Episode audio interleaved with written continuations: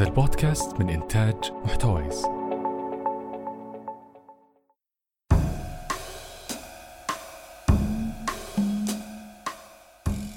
أهلا في آخر حلقات موسم الموسيقى من بودكاست سوق الزل.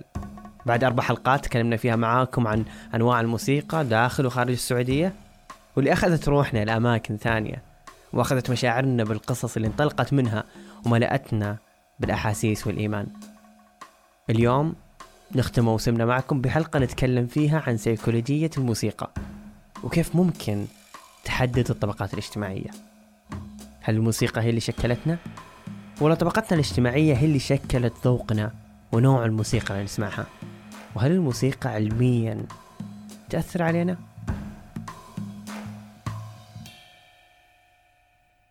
هل سبق وتساءلت ليش انت وصديقك أذواقكم الموسيقية مختلفة؟ لا تقول لي عشان الناس أذواق، لا في سبب أقوى يخلي ذائقتكم الموسيقية حقيقي مختلفة عن بعضها. بالنسبة لماكس فيبر يقول إن البيئة اللي كبرت فيها وتاريخ عائلتك مع الموسيقى قد يكون له تأثير على اختياراتك الموسيقية اليوم. ماكس كان يبحث ويحاول يثبت نظريته للعالم.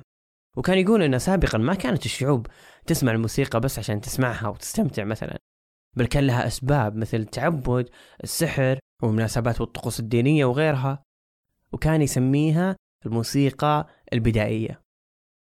أثارت مسألة الذوق الموسيقي اهتمام علماء النفس اللي حاولوا اكتشاف الصلة بين حبنا لنوع معين من الموسيقى وتأثير بعض أنواع الموسيقى على طريقة تفكيرنا. وإذا تذكرون بحلقة الجاز تكلمنا عن ثقافة أصحاب البشرة السمراء وكيف شكلتهم الموسيقى وشكلوها. Now, why is it I can remember the lyrics to so many songs, but I can remember almost no poetry? This music resonates strongly with me, not just because it was written by my cousin Eric Bogle, but because music has an extraordinary capacity to evoke memories, to allow us to remember uh, things that have happened in the past. وعن كيف الموسيقى تأثر على دماغتنا في حديث أجراه عالم الأعصاب آنون هارفي في تيدكس عن الطريقة العلمية في تأثر دماغ الإنسان بنوعية الموسيقى اللي يسمعها جاب شخص وسوى تجربة عليه قدام الجمهور وركب على رأسه مجموعة من الحساسات اللي تعرض لهم الإشارات العصبية في الدماغ أثناء استماع هذا الشخص للموسيقى. والمدهش في الموضوع أنه بالبداية كانت الموسيقى هادية جدا وكانت استجابة الدماغ وحركة الأعصاب بطيئة مرتاحة ومروقة ونفس المستمع بدأ يسترخي. بعدين شغل موسيقى مزعجة مرة ما يسمعها بشري. وفجأة تشوف استجابة الدماغ الرهيبة وكأنك مسكت قلم وقاعد تشخبط على الإشارات العصبية. حرفيا. يقول آلن أن تأثير الموسيقى ما يتوقف على هذه الحركة بس من حركة الأعصاب في الدماغ. لكن حتى ممكن يدخل في الجهاز المناعي والنواقل الكيميائية في الدماغ لأن الإنسان سبحان الله يرتبط بالموسيقى عاطفيا مو بس جسديا أو لمجرد ذوق تمشي وتسمع وتروح. تحصلون في وصف الحلقة الرابط لحديث آنون هارفي كامل. وللإسهاب في تأثير الموسيقى على الدماغ في دراسة أجرتها جامعة سان دييغو اسمها سيمفوني وهذه الدراسة سووها عشان يجاوبون على أسئلة معينة مثل هل الموسيقى فعلا تأثر على عقول الأطفال؟ أو هل تؤثر على مناطق معينة في الدماغ؟ وهل ممكن تطور من قدرات الأشخاص في مجالات مختلفة مثل الرياضيات والقراءة وغيرها؟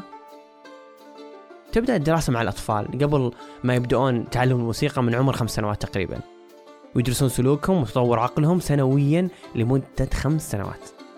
وللعلم الدراسة الحين قائمة لكن خلال سنتين لاحظوا أن الأطفال مع الموسيقى بدأت تتطور مهاراتهم في التركيز والتدقيق على اللي حولهم. والمهارات اللغوية عندهم زادت بشكل ملحوظ. شيء جدا عجيب.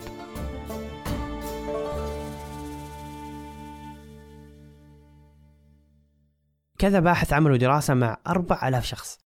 وكان موضوع الدراسة أنهم يحاولون معرفة جوانب مختلفة من شخصيات المشاركين. من خلال قائمة أسئلة كتبوها خبراء في علم النفس. وبعد كذا استمع المشاركين في الدراسة لخمسين مقطوعة موسيقية تمثل 26 نوع موسيقي مختلف. وطلب الباحثين من كل شخص اختيار المقطوعات اللي تعجبه. وكانت نتائج الدراسة مثيرة للاهتمام جدا اللي نشرتها مجلة بلس ون. طلعت الدراسة أن الأشخاص الحساسين واللي يتعاطفون مع الآخرين يميلون للموسيقى الناعمة والألحان والكلمات الحزينة. أما بالنسبة لأصحاب الشخصية العملية فكانوا يميلون أكثر للموسيقى الصاخبة.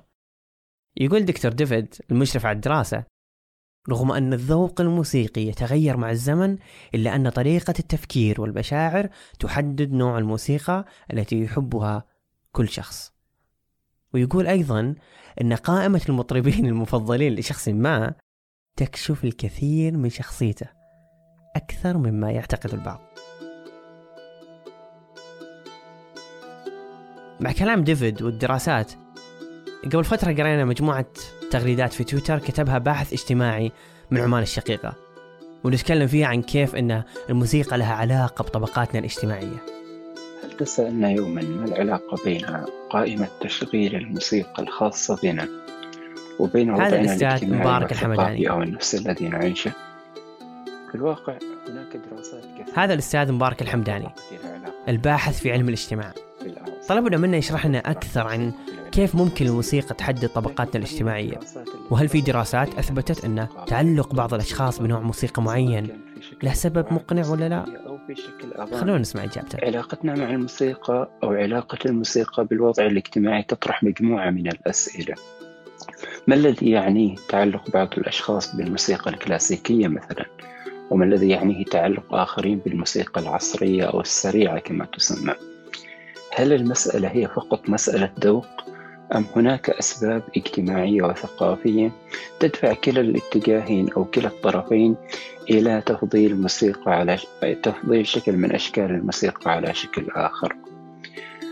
في الواقع عندما نتطرق إلى تاريخ الموسيقى أو تاريخ العلوم الموسيقية. هناك محاولات مبكرة سعت إلى دراسة هذه العلاقة وإلى تحليلها. فأحد الباحثين في الموسيقى وهو ملحن موسيقي أيضا يسمى يوهان بيرنهارد وضع حقل جديد في العلوم سماه الموسيقولوجيا. وهي يعني دعت في إحدى الفروع التي تدرسها إلى التعامل مع الموسيقى ليست فقط كلحن ومقطوعات وأداء موسيقي وإنما أيضا هي خطاب اجتماعي.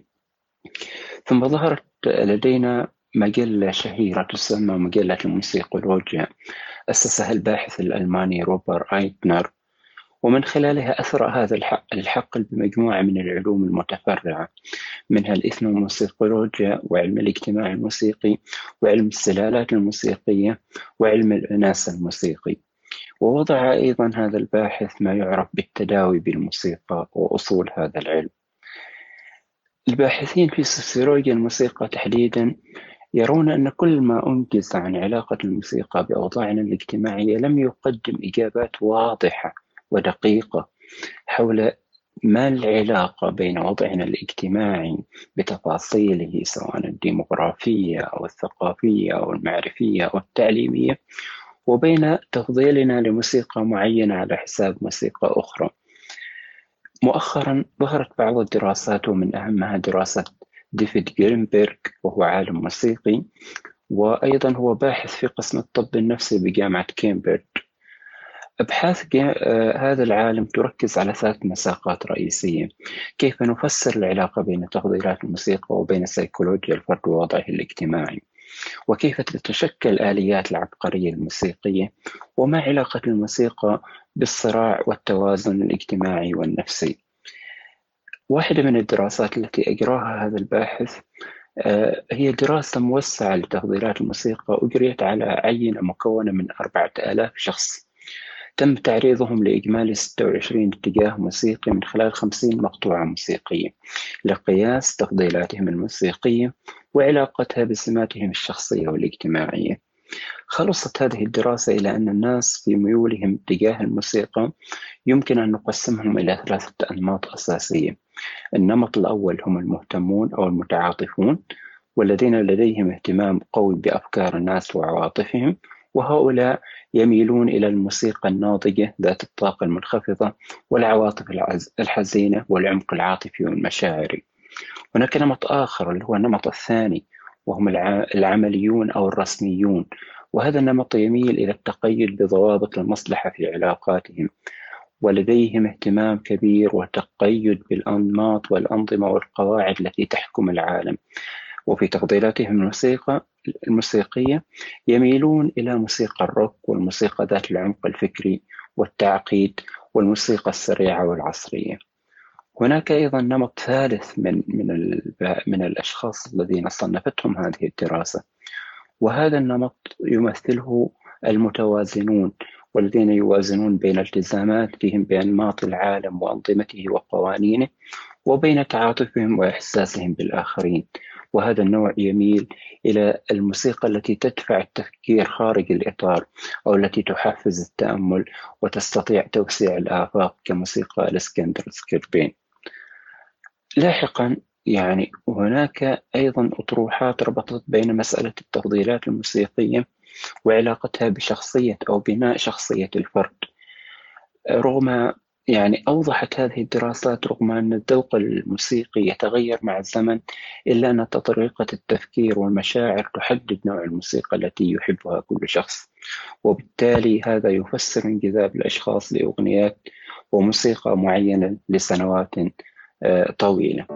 في المجمل العام الموسيقى ليست مجرد نوتات وألحان ومقطوعات وإلى آخره هي تعبير وهي خطاب اجتماعي وبالتالي عملية صنع الموسيقى أو حتى تلقيها هي تنبئنا بمجموعة من المقومات أو من العوامل أو من الأوضاع الاجتماعية والثقافية التي يعيشها سواء متلقي الموسيقى ومفضلها أو ذلك الصانع للموسيقى والعامل على صناعتها وترويجها. ذكر سعد مبارك الكثير من المصطلحات العلمية داخل علم الموسيقولوجيا ولكن في مصطلح معين هو اللي أثار اهتمامنا وهو مصطلح أنثروبولوجيا الموسيقى أو علم الإناثة الموسيقي. مرة الاسم مثير اهتمام جدا. أنثروبولوجيا الموسيقى هي اللي تهتم بالمحيط الثقافي للمجتمع ولمظاهر الاحتفالات اللي يمارسها كل إنسان داخل مجتمع الضيق. وتعتبر هذه الممارسات من وجهة نظر الأنثروبولوجيا أن الإنسان هو المركز الأساسي في الفكر الأنثروبولوجي من خلال دراسة حياته داخل محيطه. خلت أنثروبولوجيا الموسيقى للأذن بجانب دورها طبيعي في نسمعها دور سمعي شرطي تحكمه العادات والتقاليد والثقافة ومختلف الأنساق الحياتية. بمعنى حياتك كلها مجتمعة وأسباب تجاربك الحياتية هي اللي شكلت إذنك حرفياً. فالإذن تتعود على طريقة سمع معينة. هي تسمع وتنظر وتلاحظ في الوقت نفسه.